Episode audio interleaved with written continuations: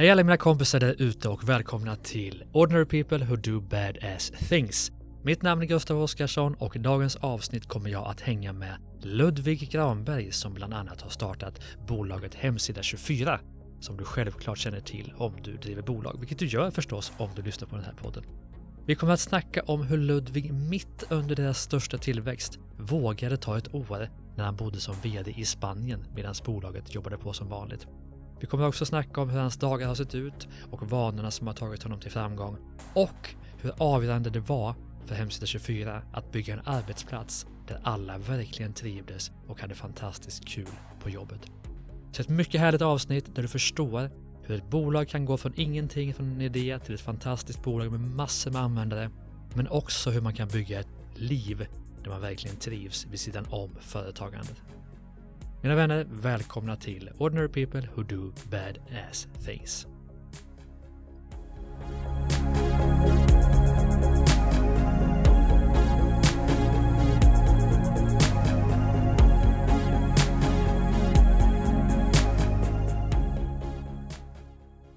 Välkommen till Ordinary People Who Do Bad Ass Things, Ludvig Granberg. Tack så mycket Gustav. Läget? Bra tycker jag. Jättekul att ha dig här. Du har åkt upp hela vägen från Halmstad. Stämmer bra, stämmer bra. Du, jag skulle nog gissa att du är kanske mer känd under de varumärken som du har startat och byggt. Och det är väl hemsida 24 och Heimo som är det mest bekanta för de flesta skulle jag gissa.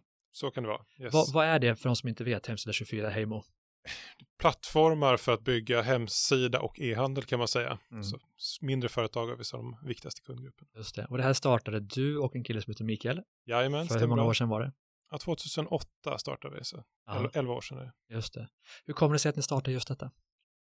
Det är en lång story, men vi drev en annan, vi drev en mötesplats innan för fotografer och Mm. fotomodeller och märkte att de bland många andra behövde enkla hemsidor. Just det. Och sen växte det här ganska snabbt får man väl säga. Eh, lite säkert långsamt som för alla entreprenörer, långsammare än jag hade tänkt. Men du sålde ju bolaget för något år sedan, eller två, ett år sedan kanske. Ett år sedan stämmer bra. Och hur stort var det då? Då hade vi drygt 14 000 kunder, 20 anställda ungefär. Det är coolt. Och omsatte, 23 sista dagen. ja, men det är magiskt. Och då var det både Hemsida 24 men också en, en annan variant kan man säga på det som kallas för Heimo. Ja, precis. Som jag uppfattade som någon form av ett sätt kanske att ta det lite mer internationellt också. Exakt, namnet var mer internationellt gångbart Mm. och produkten var egentligen nästa generations plattform. Så att lärdomarna från Hemsida 24 in i en ny produkt. Mm.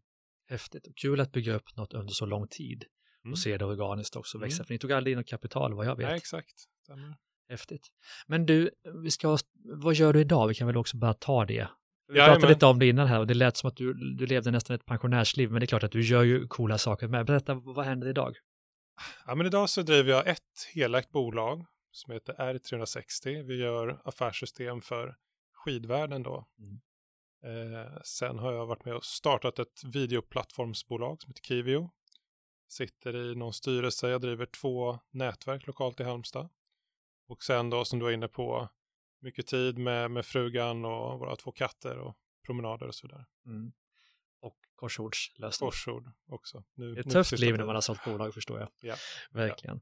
Men det är svårt att hålla, hålla fingrarna borta ifrån syltburken naturligtvis. Om man Ja. väl varit entreprenör en gång så vill man gärna vara i den branschen. Men ganska skönt var vi också inne på att du har ju varit vd i alla år i princip. Jajamän. Ganska skönt att nu komma in kanske i advisory boards, styrelser och jobba mer i ett helikopterperspektiv. Jag gillar det verkligen. Det måste jag Mm. säga. Att coacha och stötta de vd som jag jobbar med idag tycker jag är superroligt. Mm. Eh, Passar bra också. Jag tror man, om man varit vd tio år så behöver man en liten paus. Jag behövde en paus i alla fall. Mm. Så Mm. Och det vi ska ägna vårt samtal åt idag tänker jag det är att försöka, jag vill i alla fall förstå eh, hur just du lyckades bygga upp hemsida 24, jajamän. vilka dina tankesätt har varit, vilka vanor du har haft. Men vi kanske ändå ska börja i den resan som du och, och Micke under den period i alla fall gjorde. Mm. Jag gissar att alla som lyssnar på det här är nyfikna på hur bygger man ett bolag med så många användare som ni hade, en väldigt fin omsättning, en fin vinst. Har du några ska man säga, milstolpar, strategier, processer, insikter under den resan som ni gjorde som du kan dela med dig av som du i efterhand ser att det här var det som gjorde att vi lyckades? Jag kommer tänka på, det finns säkert mycket, men tre grejer. Mm. Dels så startar vi med väldigt små medel, så vi höll tillbaka kostnader enormt mycket. eh, och crunchade fram det här under sex månader på minimala 8-9 kvadratmeter. Jag hade en anställd som tjänade betydligt bättre än vad vi gjorde och det gjorde det möjligt för oss också att sätta ett rätt attraktivt pris på tjänsten när vi väl lanserade. Och sen är det ju något slags blodigt fokus. Jag vet att vi gjorde en del konsultjobb i början för att liksom dra in lite extra cash. Mm. Men vi var så målmedvetna om att inte göra det framgent. Utan vi, vi, vi ville tjäna pengar på rätt sätt. Och rätt sätt för oss var genom vår tjänst, self-service, skalbart. Mm. Och det tänket hade ni från start? Det är ganska, hur gammal var du då när ni startade? Mm, 2008 var jag 25 det är ändå få ändå förunnat att ha det tydliga tänket när man är så pass ung. Var kom jo. det ifrån? Ja, det är en bra fråga. Det är möjligt att vi har snappat upp det tillsammans där på de korta åren. Det var... Ja, det, fann, det fanns en liten fascination kring att, att tjäna pengar utan att liksom lägga in timmarna för varje peng om du förstår vad jag menar. Mm. Så att bygga en liten pengamaskin som jobbar för sig mm. själv. Mm. Sen är det självklart att du lägger ju massa tid på att utveckla den och du ger support och så vidare. Men affären ska i alla fall vara ganska autonom om man säger det. Mm. det vi lyckas med. Just det. Och jag tror det var en insikt till du skulle dela innan jag avbröt dig. Ja, men det var de här tre egentligen, ett, ett slimmat litet team, ett attraktivt pris på marknaden och eh, det här fokuset eh, på, på rätt typ av intäkter. Så det var de mm. tre egentligen. Hur var det innan dess så hade ni drivit ett annat bolag eh, yes. och det hade gått okej, okay, dåligt, bra? Ja, men det gick helt okej. Okay. Ja. Den här mötesplatsen hade tusen medlemmar när vi köpte den mm. och vi lämnade den med 20 000 medlemmar ungefär. Tjänar ni pengar på det? Ja, precis. Vi tog det från en eh, non-profit kan man nästan säga till en halv miljon ungefär i omsättning. Mm. Och det låter ju när man lyssnar på dig lite så här då att det här har gått som som tåget hela vägen, men jag gissar att det finns ett antal misslyckanden på vägen också. Ja, men självklart. självklart. Kan du komma på något som känns, som då var väldigt jobbigt? Jag vet att vi eh, onödigt snabbt var liksom in, inne på internationalisering och vi skulle in i USA av någon mm. anledning. Och, och det gick coolt. in. Ja, precis. Det kändes coolt. Ja. Engelska, stor marknad och så vidare. Timeside 24. Ja, ja.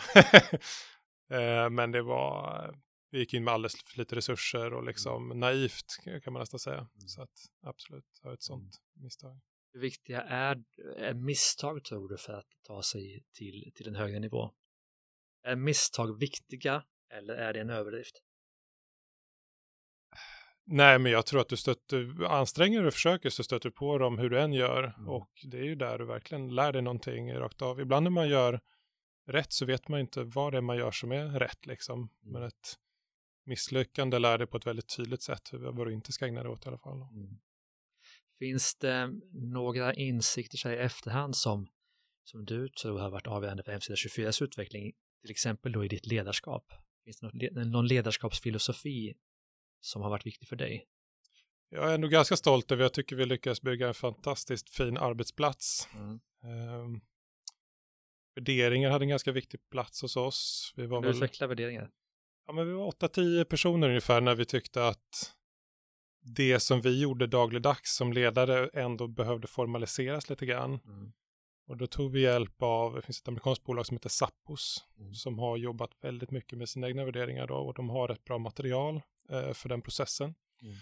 Så vi tog hjälp av det och vi, vi hyrde ett hus ute på Tylösand, tog med hela gänget ut, satt där två veckor.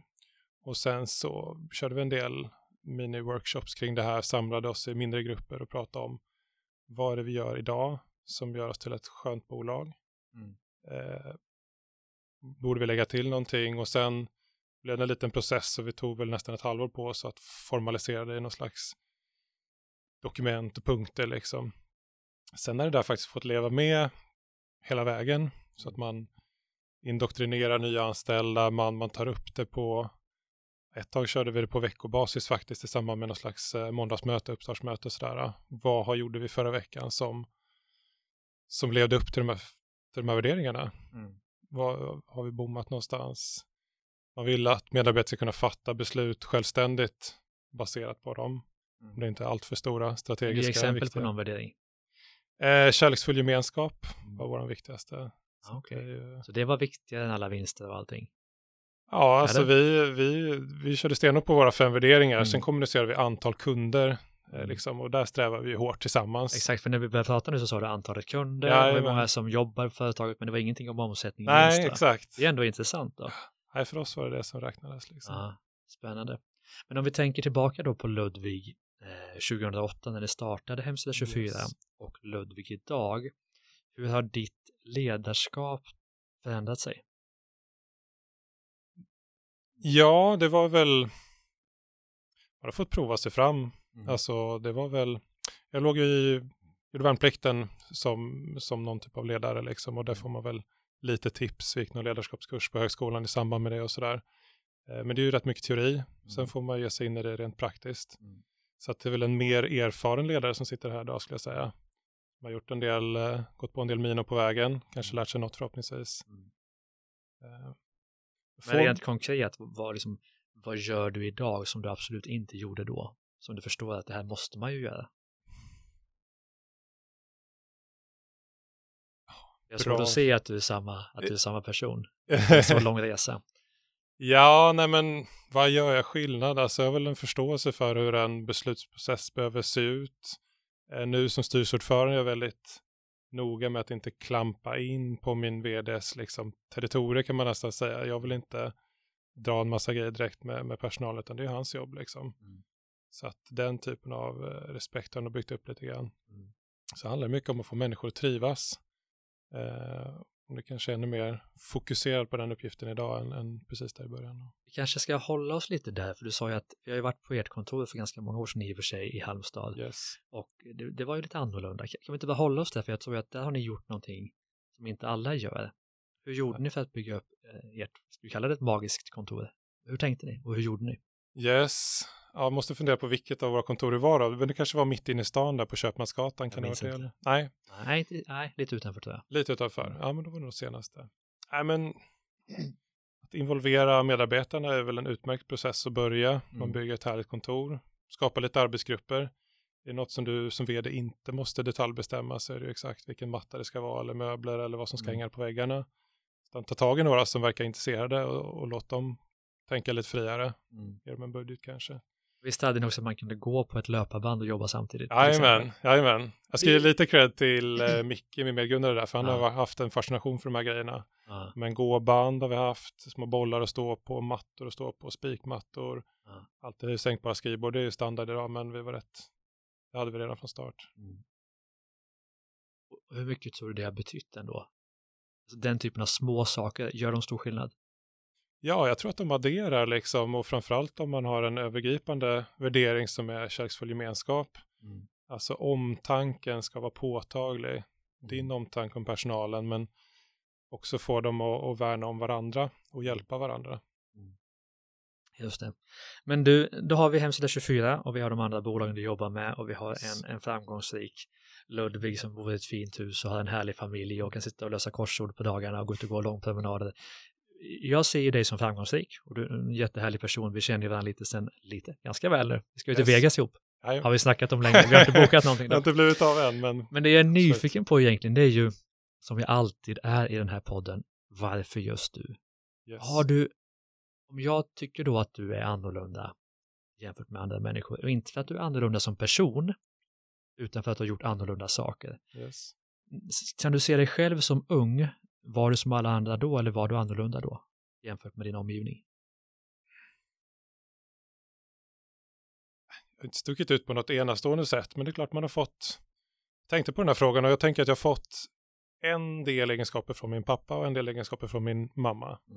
Och eh, det här eh, logiska, analytiska eh, resonerandet definitivt från min far och en viss typ av karisma, ledaregenskaper kanske från min mor då. Mm. Och jag, jag tror att som, som entreprenör, de där två, gift, de två sidorna gifter sig ganska bra.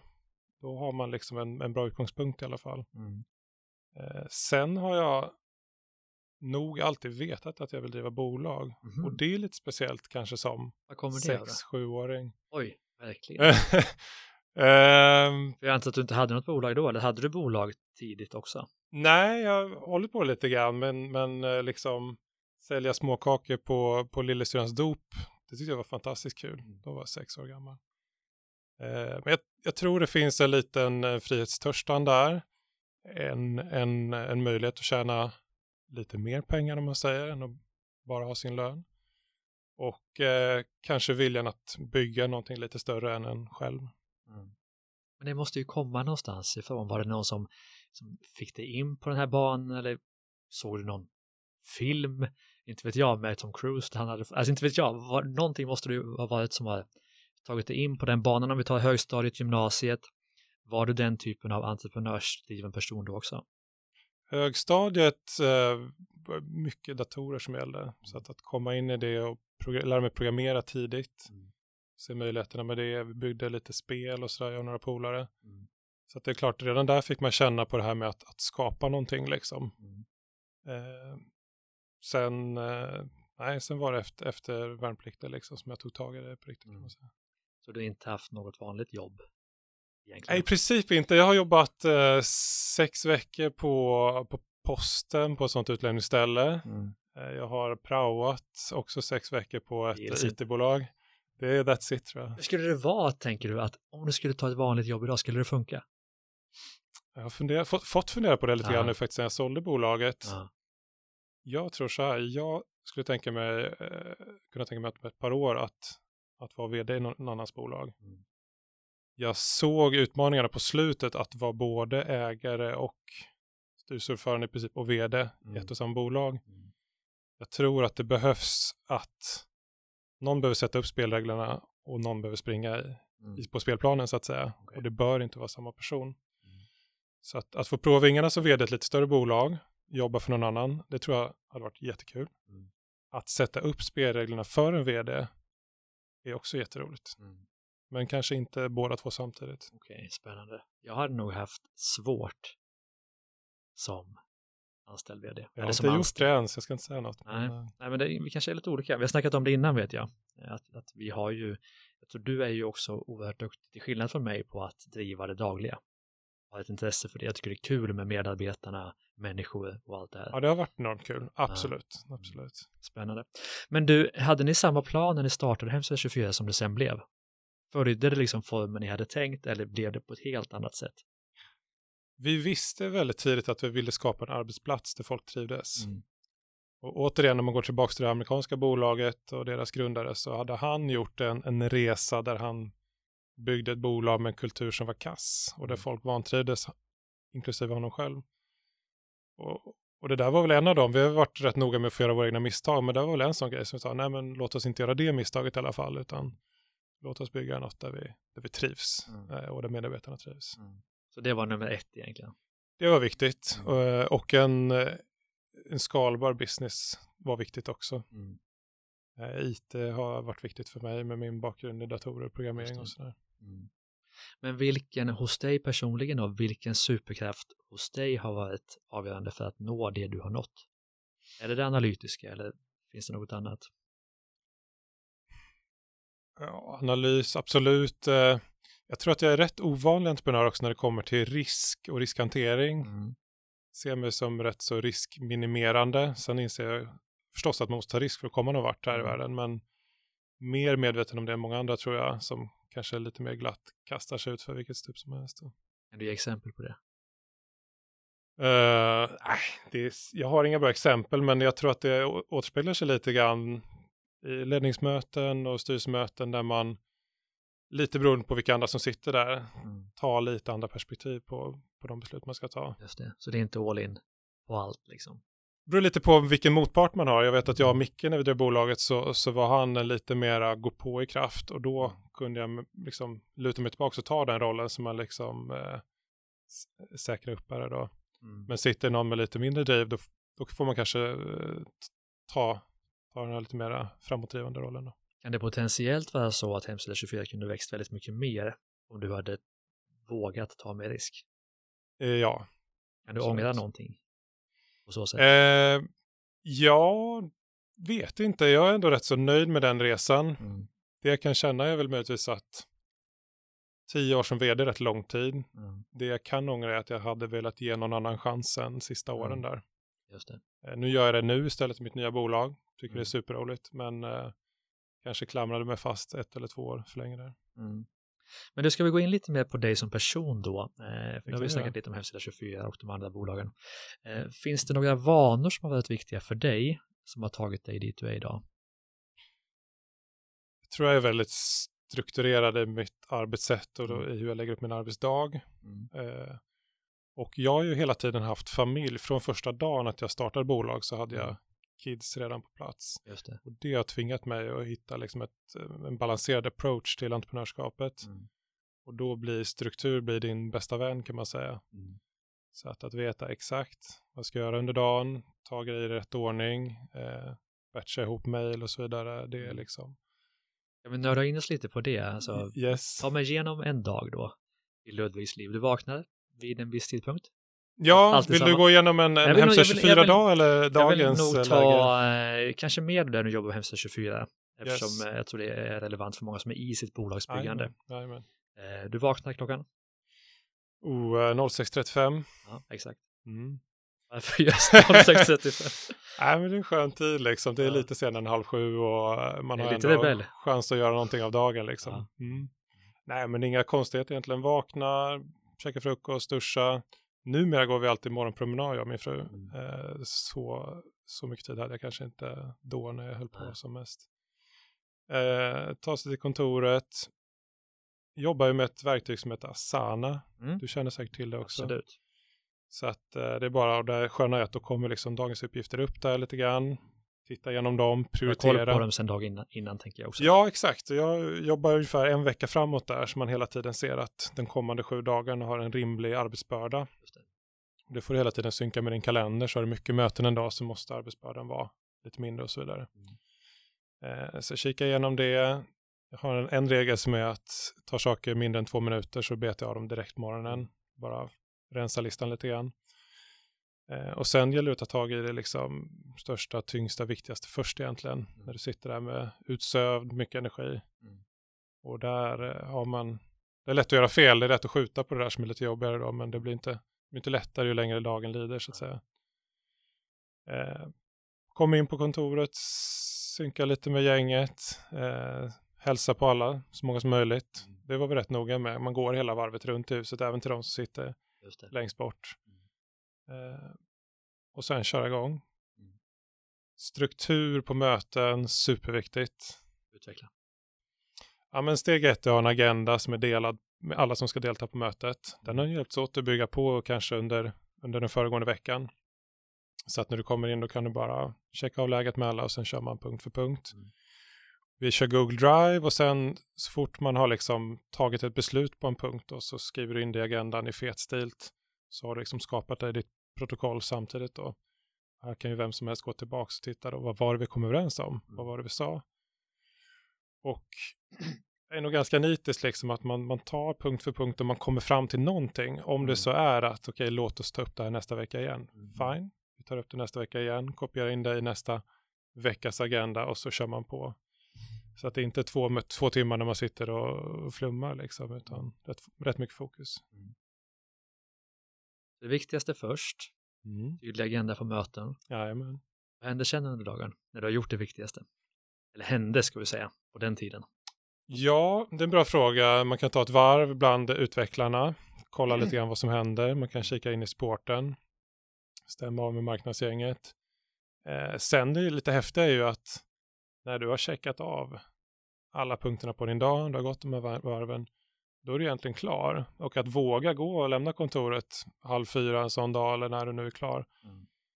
Eh, för mig är det ganska viktigt för att nästa vecka kanske är tvärtom, då sitter du med mycket att göra. Eh, Så komma hem och hänga lite med kidsen, det är väl toppen. Liksom. Mm. Minns jag fel nu, men visst jobbade ni med något som kallas för sprintar, va? Jag vet inte om ni gjorde det hela vägen. Eh, jajamän, jo men det stämmer. Kan du förklara det? Sprint är en del av ett agilt utvecklingssätt egentligen. Och det handlar om att dela ner det som man vill göra. Ofta har man då en roadmap med allt du vill utveckla. Mm. Och sen plockar du in lagom mycket uppgifter i någonting som du kallar för en sprint. Mm. Och vi försökte få en sprint till ungefär tre veckors arbete. Mm. Eh, inför att man startar den här sprinten så sitter man ner och tidsuppskattar också varje ingående del. Mm. Och redan där kan man upptäcka att oj, det blev lite mycket, får vi putta bort en eller två grejer så att det motsvarar ungefär tre veckors arbete. Mm. Eh, och sen så, så kör man järnet med de här. Ofta har man ett möte, vi kör det i och för sig då bara två gånger i veckan, det är rätt vanligt att man kör varje morgon också. En stand-up, en, ett skrummöte och titta på hur ligger vi till? Mm. Har alla att göra? Vem tar vad? Och så vidare. Är det någon som har kört fast så, så hjälps man åt. Mm. Eh, Men det är ett ganska vedertaget sätt att liksom approacha mjukvaruutveckling och Mm. få det att flyta på i något slags rimligt tempo. Så man börjar med att planera, det här ska vi göra kommande veckor. Yes, Sen kör man all in med avstämningar kontinuerligt. yes. Och sen är det väl också någon form av utvärderingstid va? Jajamän, eh, det ska till en Mm. typ av reflektion där för att se vad Mm. gick, vad gick bra, vad gick fel, hur lyckades vi våra tidsuppskattningar och så vidare. Hade det inte också någon form av festlighet efter varje? Jo, vi hade ju ett lite längre begrepp då som vi kallar för episod. Det var ju Okej. 16 veckor och innehöll ett Mm. gäng sådana sprintar. Mm. Det innehöll också något som vi kallar för Hack Week, Mhm. där utvecklarna under en vecka fick hålla på med vad de ville. Mhm. Spännande, lite Google-inspirerat. Ja, lite Google-inspirerat. Enda kravet var egentligen att det här skulle redovisas sen veckan efter på måndagsmötet då. Ja. Så att man inte satt och gjorde ingenting. Men det var ändå kopplat till hemsida 24, det kunde det fick vara. ju välja helt fritt. Jag vill bygga en lampskärm. Liksom. Ja, det kunde det vara. Ja. Eh, många tog chansen att lära sig ett nytt programmeringsspråk. Ja. Eh, mycket blev ändå rätt så relaterat. Automatisera någon liten uppgift som man har stört sig på eller Mm. gå på någonting som inte kom med i, i sprinten men som man själv tycker var viktigt då. Mm. Så att, eh, jag skulle säga att det var rätt mycket bra som kom ut av det där plus att du har en engagerad eh, arbetsstyrka. Just det. Och sen någon form av festlighet. Ja, precis. ville kommer vi in på det. Ja, exakt, exakt. Eh, Jo, men det stämmer bra. Vi eh, brukar fira av det där med någon skön fest. Och där har vi haft- allt från superhjältetema till. Hawaii-fester till Ja, eh, allt möjligt Jag var roligt. alltid Så. så avundsjuk på det där. Det lät så coolt. Men du, och sen kvällarna då, hur, du jobbade, alltså, jag upplever ju att du inte kanske har jobbat åtta timmars veckor. Eller har du gjort det? Långt ifrån, Mm. långt ifrån. Nej, jag är väl en ovan entreprenör på det sättet att jag har Mm. liksom lyckats hålla mig till, till mina 40 timmar. Ja. Men det är ju den prioriteringen liksom. Kvällarna, familjen. Ja, exakt, Mm. exakt. Hur har det varit med, för många tycker jag som jag träffar ändå i podden har ju företaget, familjen, så olika prioriteringar på dem, Yes. plus eller minus på, på respektive. Men det de har försakat då, om man nu kan försaka, det är ju prioriteringar, så är det väl eh, vänskaper och vänner. Eh, Så hur har du tänkt med det och hur har du gjort med det? Ja, men det har varit en utmaning att ha en familj från start där. Mm. Ehm, ett tag var det väldigt mycket bolag och familj som gällde. Det var Mm. det tiden räckte till. Men vänskap tycker jag är superviktigt. Så Mm. att i takt med att man har fått mer ordning och reda på grejerna så har ju det varit en viktig prioritet också. Mm. Eh, vi är båda med i samma nätverk, eh, Geos. Mm. Eh, fantastiskt mycket härliga vänner där liksom och roliga resor bakom oss och framför Mm. oss. Eh, och sen har jag och min- fru varit duktiga på att ge varandra lite tid att komma iväg. Säga så här, men jag tar kidsen ikväll, stick iväg och häng med dina polare.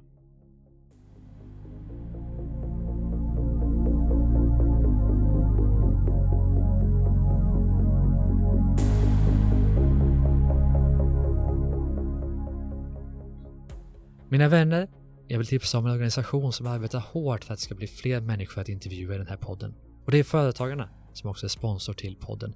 De gör så otroligt mycket för att hjälpa oss att driva företag och de har ju förstås fantastiska rabatter och nätverk som vi kan ta del av som medlemmar. Men de jobbar också mycket med politikerna för att påverka politikerna att få regelförändringar som gynnar oss företagare.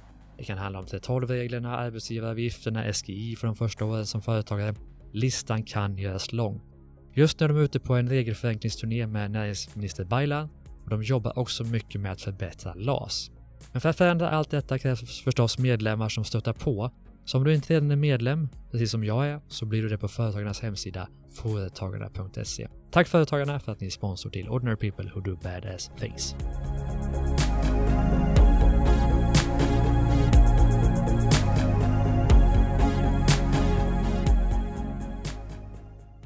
Ska vi ta oss in på, ni åkte ju iväg ett år till Spanien. Jajamän, stämmer. Du kan ju väl ta hela storyn, eller hela, men den delen av storyn som är Mindre, kortare än en timme. Absolut. Nej, men... Eh, det här var ju mitt under Hemsida 24 växte som, som mest. Ja, Och ni bestämde då, som jag har förstått det, för att nu ska vi bo i Spanien ett år. yes. Du var fortfarande vd för bolaget. Jajamän. Nej, men någonstans så var jag lite trött på liksom eh, de gråa vintrarna. I Halmstad får du inte mycket snö utan det är mycket grått och mycket regn. Mm. Så att eh, Spanien verkar lockande. Jag hade varit nere några gånger i Marbella, eh, Malaga, den trakten där. Mm. Satt på, på en resa med, med två kompisar så stannade jag till vid Svenska skolan. Och det ju, finns ju på ett par ställen runt om i världen. Eh, Södra Spanien är ett sånt ställe då. Mm. Där finns faktiskt två svenska skolor till och med, en för Gerola och en i Marbella. Då.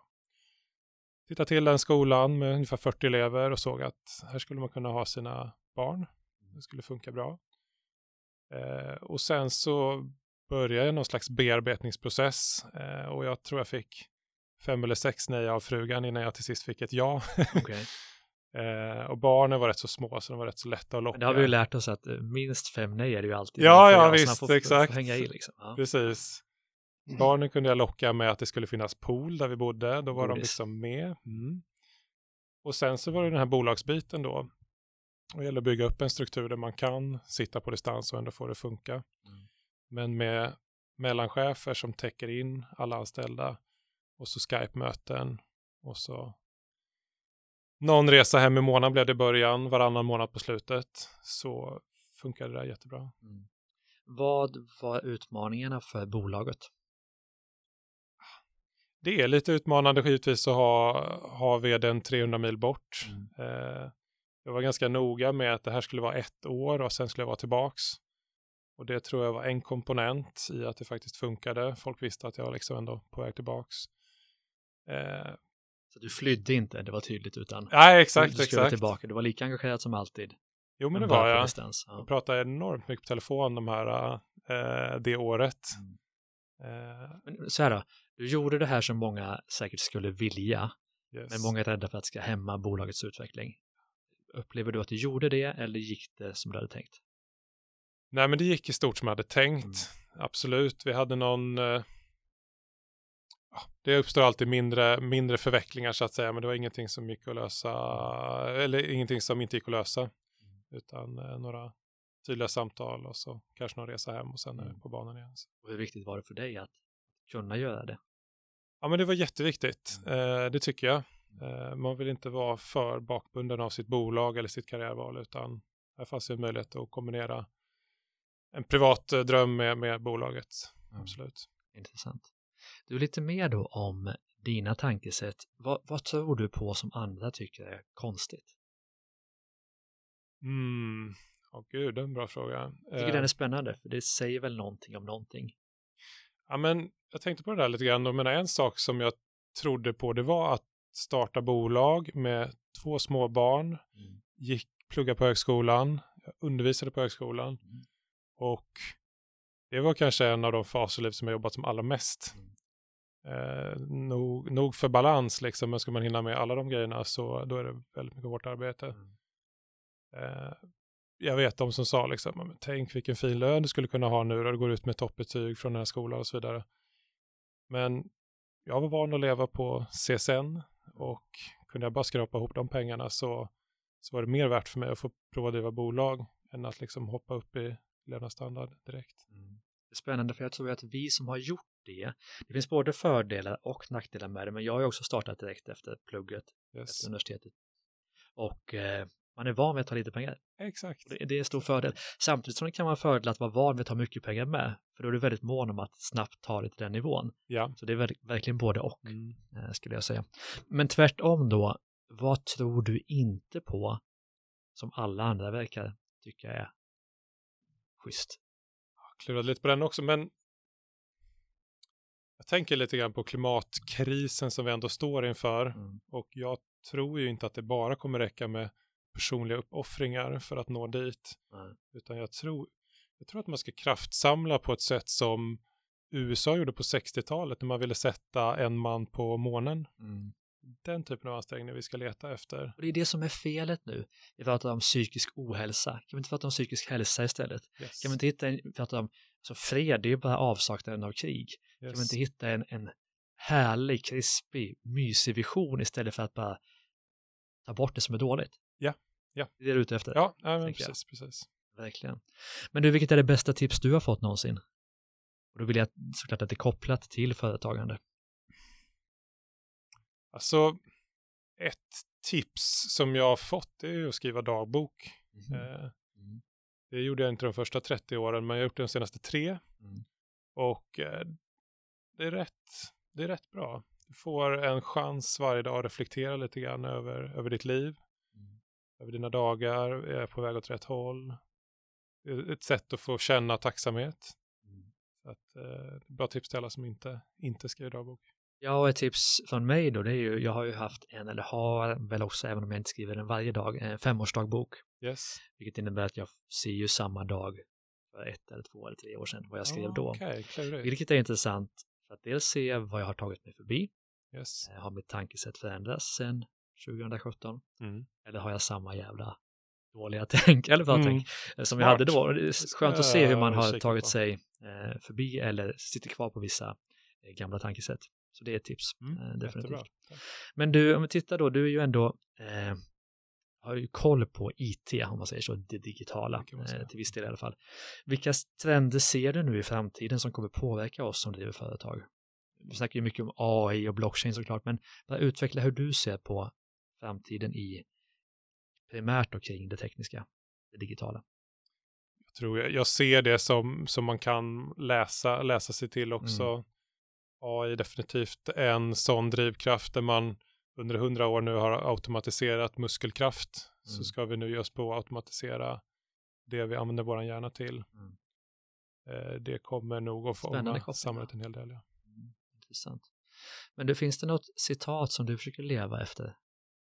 Jag har den här super basic som alla känner till, fånga dagen. Ja. Men jag tycker det är viktigt att få till bra dagar liksom. Mm. Eh, Ibland är det tufft, absolut, liksom, men eh, hitta någon skön balans, passa på och njut också, man vet aldrig när det tar slut. Liksom, så att, eh, ja, en mix av eh, arbete och fritid och vänskap och familj och sådär. Just det. Jag läste, jag tror det var i Tim Ferriss, kanske du känner till, Jajamän. Forever Work Week. Jag läste i hans senaste bok, tror jag det är Tribal Mentors, Tribal Mentors, någonting sånt. Eh, då var det ett citat från Ingvar Kamprad, jag kan inte citera det exakt, men det handlar om att fokusera på de närmaste tio minuterna. All right, coolt. kan jag göra de närmaste tio minuterna fantastiska, vad jag än håller på med. Ja, Och det är ju väldigt lätt, för tio minuter kan vi ju alltid Absolut, fokusera och vara duktiga på absolut. någonting. Och om man då löpande tänker så, blir nästa tio minuter magiska, så kommer Mm. nästa timme bli magisk, hela dagen blir magisk och livet blir på något sätt magiskt. Och det var skönt, för det är ganska svårt upplever jag, i alla fall för mig själv, att, att vakna upp och känna att nu ska jag vara magisk hela dagen. Jag Ja. inte med det tankesättet, utan men nästa tio minuter kan jag väl i alla fall ja men det ska, jag, det ska jag testa. Den är lite skön bra tycker jag med sig. Det var ganska nyligen jag fick det så jag har inte prövat ut det ordentligt men Nej. på pappret låter det ju, låter det ju smart Exakt, och genomtänkt och Ingvar Kamprad eh, lyckades väl hyggligt eller hur? eh, får vi väl säga. Men om du vi var inne lite på klimatet och sådär innan och jag vet inte var jag fick den kopplingen ifrån men om du skulle ge ett budskap till alla människor i världen, vad skulle det vara? Vi hamnar ju ofta där med klimatet och Greta Thunberg och det är så mycket där i media Ja, just nu, exakt, va? exakt. Nej, men jag skulle nog ha ett ännu mer generellt budskap att glöm inte bort att du är omtyckt och älskad Mm, och med det i ryggen gå ut och gör goda gärningar. mm, Så skulle vi alla tänka, känna och göra så, så skulle vi ha kraftigt förbättrande värld. Jag tror att världen blir bättre hela tiden, men, men det går att öka den takten, absolut. mm. Men har du någon sån livsfråga som du funderar mycket på? Um, ja, men klimatet funderar jag mycket på. Ja. Det tycker jag är, det är en av vår tids stora frågor. Vad tänker du då? Ja, men hur, man, hur man ska tackla det liksom. Har du någon Eh, lösning? Eh, kanske inte rakt av, det, det ska jag inte vilja våga påstå. Men om du var Donald Trump säger vi, eller du var någon ledare i världen, vem som Ja. helst kan ju vara ledare har vi märkt Greta Mm. Thunberg, men om du hade möjligheterna, för det är kul ändå att bara Mm. bolla som en entreprenörskapsövning, du hade taktpinnen, Ja. du var generalsekreterare i FN eller vad som helst. Vad hade du lagt fram som förslag? Av, Ja, men- av, av det du vet nu. Nej, men jag skulle vilja angripa uppgiften med, med väldigt mycket fokus. Mm. Jag tror på, återigen kopplingen till, till NASA och 60-talet. Låt oss Mm. bygga ett NASA för klimatomställningen. Mm. Eh, det finns ett initiativ som heter Fossilfritt Sverige, Mm. där man liksom tar kontakt med de flesta fossil eh, koldioxidutsläppande branscher Mm. och kräver dem på vad är eran plan? Vad är eran Mm. plan? Det här kan man ta lite grann på steroider, skapa kanske en klimatmyndighet. Nu känns det konstigt som entreprenör att sitta och föreslå en myndighet här, men Mm. En snabbfotad. det- Ja, en snabbfotad entreprenörsdriven myndighet som, som agerar både morot och blåslampa på exakt alla branscher. Mm. Eh, jag tror att elektrifiering är ju en viktig, viktig nyckel för att lyckas Mm. med det här då. Och där har vi i Sverige extremt goda förutsättningar. Eh, och med det sagt så har vi också chans att få vara lite, visa lite ledartröja för andra nationer. Så kan Mm. vi visa hur det här ska gå till. Så, så kan vi så sen och tala i FN och EU och de här forumen med, med, med lite pondus. Mm. Vi behöver hitta en vision som inte, som inte klagar på folk, utan som alltså en positiv vision som, som vi verkligen vill uppnå, som är positiv och givande för alla. Det måste ju vara Exakt. även för företagen, även för de som släpper ut mycket Ja, idag. ja. Och, och Sverige har en vision. Vi har koldioxidfritt vid 2045 Mm. och det, det är en bra, bra vision. Mm. Så långt har vi kommit. Så länge alla tjänar på det. Ja, men eh, jag tror att vi kan nå dit och, och, och liksom inte tappa allt för mycket eh, ekonomi på vägen. Mm. Utan nu är visionen satt. Nu ska vi bara nå dit. Mm. Och där krävs mycket mer än att man åker runt och håller seminarier eller man... Där, där krävs ett fokus och ett jävla namn tror jag man ska Mm. komma hela vägen. Och ledarskap. Absolut, väldigt mycket ledarskap. Mm. Spännande. Men du, eh, vi kan väl fort, fortsätta med en lite spännande entreprenörskapsövning. Nu har ju du ett pensionärsliv här och löser korsord och, och donar, Yes. går långpromenader i skogen och sådär. Men jag, jag ger dig 100 miljoner här och nu. Du får chansen att starta ett helt nytt bolag. Eh, såklart använda kompetenserna du har sedan gammalt. Ja. Och det här bolaget ska vara det du skulle tro på allra mest skulle kunna verkligen få fart på fem års sikt. Vad hade du startat? Jag hade hållit mig någorlunda kring det jag har gjort. Så att jag menar, Hemsö 24 och Heimo, det var ju SAS-bolag.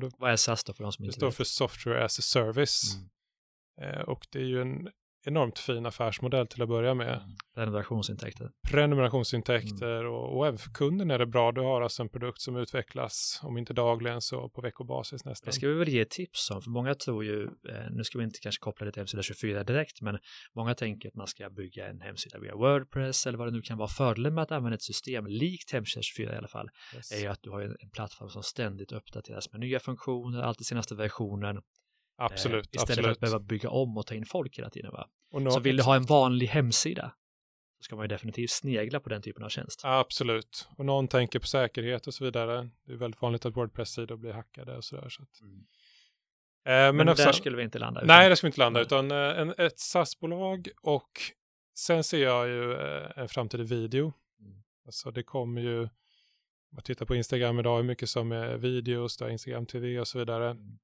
Även på marknadsföringssidan kommer video vara mycket viktigare. Mm. Större bolag är duktiga på det här, eh, enskilda Instagrammare är duktiga på det här, Mm. men vi har ett bolagssegment 20-50 anställda som behöver bli duktiga på det här för att hänga med. Så jag hade startat en eh, videoplattform som hjälper bolag eh, att lyckas med sin videomarknadsföring. Men alltså att du pitchar nu bolag som redan har startat? Som av en händelse så har jag redan startat det här bolaget. Okej. ja, du synade min... eh, Ja, den var ganska given. ja. Spännande. Eh, Okej. Vi nöjer oss för det så. Jag ska, jag ska inte utmana dig mer i, i den frågan. Men om du fick eh, träffa då Ludvig för, eh, vi kan säga då, eh, det är väl eh, 11 år sedan ni startade Hemsö 24. Jajamän. Vad hade du sagt till Ludvig ah, 2008? Eh, ja, men till eh, min yngre Ludvig så hade jag nog sagt att eh, se till att ha jäkligt kul på resan. Våga ta risk, vi pratade om det innan, liksom Mm. att, att vara riskminimerande och så vidare. Men våga ta lite risk, eh, ha, ha kul på vägen helt enkelt. Och det har du väl haft, tänker jag, men du skulle vilja att du hade, du skulle i efterhand önska att du hade tagit chansen att ha ännu mer kul. Det Nej, utan bara, bara någon slags affirmation att du är inne på rätt spår. Mm. Eh, Fortsätt som du tänker Mm. faktiskt i det läget. Intressant. Vad om man då vänder på det eller tänker på att eh, om du tänker dig själv tio år framåt i tiden. Vad hade Mm. ditt framtida jag sagt till ditt nuvarande jag? Jag tror Ludvig 45 hade vi kanske tryckt en del på, på hälsa, träning, Mm. eh, familjen återigen och liksom våga tro på det jag gör, liksom, själv, liksom fortsatt högt självförtroende. Så. Hade den sagt, eller du sagt, investera i bit bitcoin? ja, det, sånt där är alltid bra att veta, då vet man ju vad ska göra. Eh, oklart. Men spännande då att, att ta den frågan. Om vad skulle du gå igång på, eller du har investerat i några bolag, vad går du igång på att investera i just nu? Du får ju lite förfrågningar vet jag. Mm. Vad måste finnas på plats i bolaget, eller det tänket i alla fall? Ja, men en skicklig entreprenör, nu pratar Mm. man ju ofta om team och, och ett skickligt team, absolut. Men vi kan ta det här videobolaget som jag nu bara nämnt. Den entreprenören, den vdn som vi jobbar med där, han har Mm. ett, ett driv och en glöd och en, eh, en jävla ramma. Jag vet att han kommer inte ge sig liksom. Mm. Och en sån person känns väldigt tryggt att investera i. Mm. Sitter han dessutom då på tio års branscherfarenhet och Mm. Dessutom är han bara 27 år gammal. Jag vet inte hur han har fått ihop allt det där, men det, den typen av individer går jag gärna in i, absolut. För det är intressant tycker jag när man går in i bolag tidigt i alla fall med människor som är duktiga och aldrig kommer Ja. ge sig. För det kanske inte blir ett miljardbolag, det kanske inte blir ett 50 miljonersbolag, men det kommer ju bli någonting Exakt. Risken minskar ju oerhört om du har rätt person på plats. Ja, det Jag håller med. Men du, eh, du nämnde honom. Vad har annars framgångsrika människor som du har mött gemensamt? Trevliga och sympatiska. Mm. Det låter jättefånigt kanske, men det är ju en egenskap som som entreprenör för att lyckas, du kan aldrig göra någonting helt själv, utan du måste alltid få människor med dig. Mm. Och, och människor följer gärna någon som är liksom trevlig, karismatisk, som har en, liksom en, en djärv vision. Eh, så det tror jag samordnar eller liksom kopplar samman de flesta faktiskt. Mm. Kan du säga något namn på någon du som är din förebild, någon du fascineras av? Ja, Jag har ju en, eh, en lokal mentor i Halmstad. Hoppas att du ska ha honom i din eh, podd här så Ja. småningom. Eh, Jonas Hammarberg. Det vet jag inte vem det är, jag skriver ner namnet. Jag gör det. Jonas har drivit upp ett konsultbolag. De konsultar inom affärssystem kan man Mm. säga. Sålde det när de var 120 anställda. Han driver ett nytt bolag idag. Han har skrivit två framgångsrika böcker. Han är en uppskattad föreläsare Mhm. och han har en enorm energi och karisma. Mm. Så att eh, honom ser jag definitivt upp till. Coolt. Och det är spännande när jag ställer frågan vad har alla framgångsrika människor gemensamt när vi inte ens har definierat vad framgång är. Så är det ju. Så är det. Så vad är det för dig? Framgång för mig, någon som är framgångsrik har liksom uppnått en position i samhället som andra ser upp till Mm. eh, och har tid att njuta och har möjlighet att göra tillbaks. Mm. För mig är det en framgångsrik person. Och för dig själv då, vad ger du tillbaks? Ja, jag har tänkt på det. Jag tror att jag är i en fas just nu i alla fall. Det handlar ganska mycket om att ge tillbaks. Jag tycker att jag är tillbaks när jag peppar och coachar vdn i mina bolag. Mm. Eh, jag gör definitivt det med mina barn. När man liksom ger dem kärlek och, förutsättningar att lyckas med sina, Mm. sina liv. Har du något sånt föräldratips de som har barn? Som lyssnar på Eh, podden. nej, men det är ju eh, Pool. pool. nej, nej, men, men, men visa dem enormt mycket kärlek tror jag på. Eh, liksom, krama om dem, visa att du bryr dig om dem genuint. Eh, jag brukar säga till mina barn, liksom, det spelar ingen roll om du har IG i varenda ämne, jag kommer älska dig precis lika mycket ändå. Mm. Eh, och med det sagt så är de jätteduktiga i skolan, men det är liksom, jag älskar inte dem för deras prestation, Mm. utan för den de är. Så att få, få dina barn att känna någonting i den, åt det hållet, Mm. tror man är en bra bit på väg. Och samma kanske för medarbetarna också. Ja, faktiskt. Men du, eh, vi börjar närma oss slutet. Vad, någon gång kommer det kanske ta slut i ditt liv också. Det vet man ju inte nu med alla Så är det tekniska det är väl lösningar. det men, vi vet möjligtvis. men om det gör det, vad skulle du önska att det stod på din gravsten?